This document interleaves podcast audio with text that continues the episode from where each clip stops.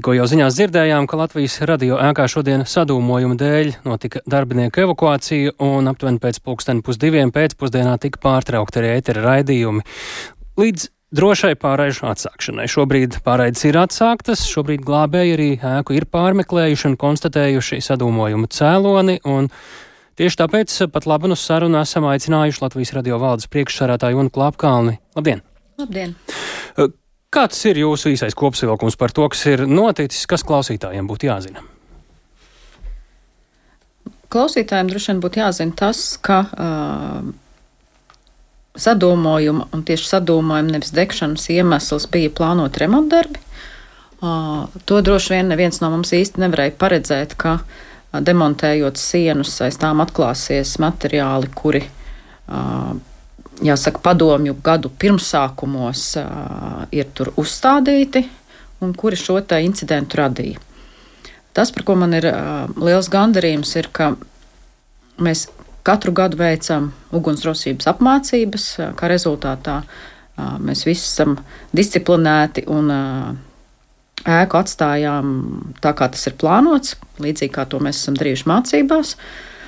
Arī visas tehniskās pārslēgšanās notika tā kā tas ir iecerēts. Kā, nu, jā, tas ir. Tas, tas tik tālu tā, tā viss ir bijis kārtībā, vai vismaz uh, ir bijis tā, kā tam būtu jābūt, apmēram, ja aizskaita pašu sadūmojumu.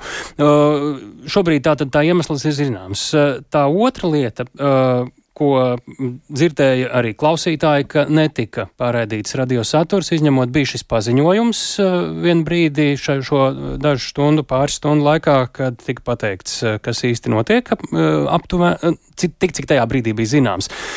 Zinot, ka šādā ārkārtas situācijā vairākas stundas klausītāji nesaņēma radiosaturu, nu, tas pamatoti tajā brīdī var likt izdarīt minējumus, ka nu, kaut kas nav kārtībā, vai nu valstī, vai radio. To tajā brīdī radio klausītājs varbūt arī nevar izdarīt, īpaši, ja nav varbūt arī citu līdzekļu, kā noskaidrot. Un mēs arī zinām, ka, piemēram, tad, kad skan sirēnas, pat likums nosaka, ka jāslēdz iekšā ir tieši radio.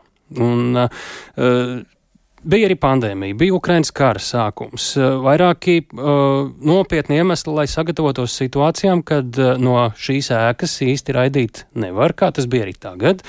Nu, un, uh, Kā jūs redzat, vai ir pamats, ka pēc apstākļu izvērtēšanas jau zināmajiem apstākļiem jums vai kolēģiem būtu pamats nopietni izvērtēt arī valdes locekļu, tā skaitā atbildību par tehnisko, par saturisko pusi šobrīd?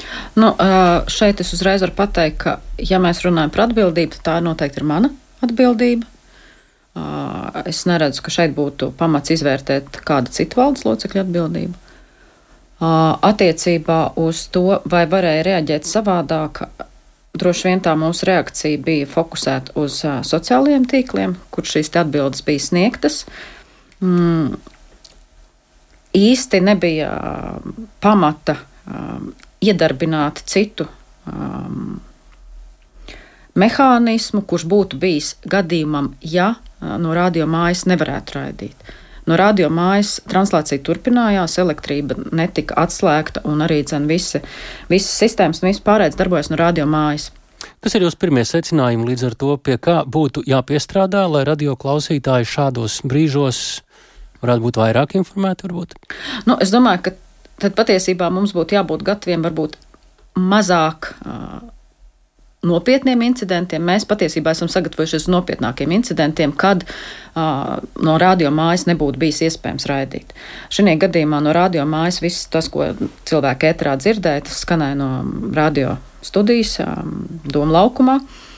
Un, uh, un droši vien, ka tas, kas būtu jāsagatavo, ir kaut kādi tādi mazāki risinājumi šādām situācijām, kas praktiski arī ir iespējami, kad to var nu, mm. raidīt arī dzen, kaut vai no domu laukumiem. Kā jūs uztverat šo savu atbildību šajā gadījumā?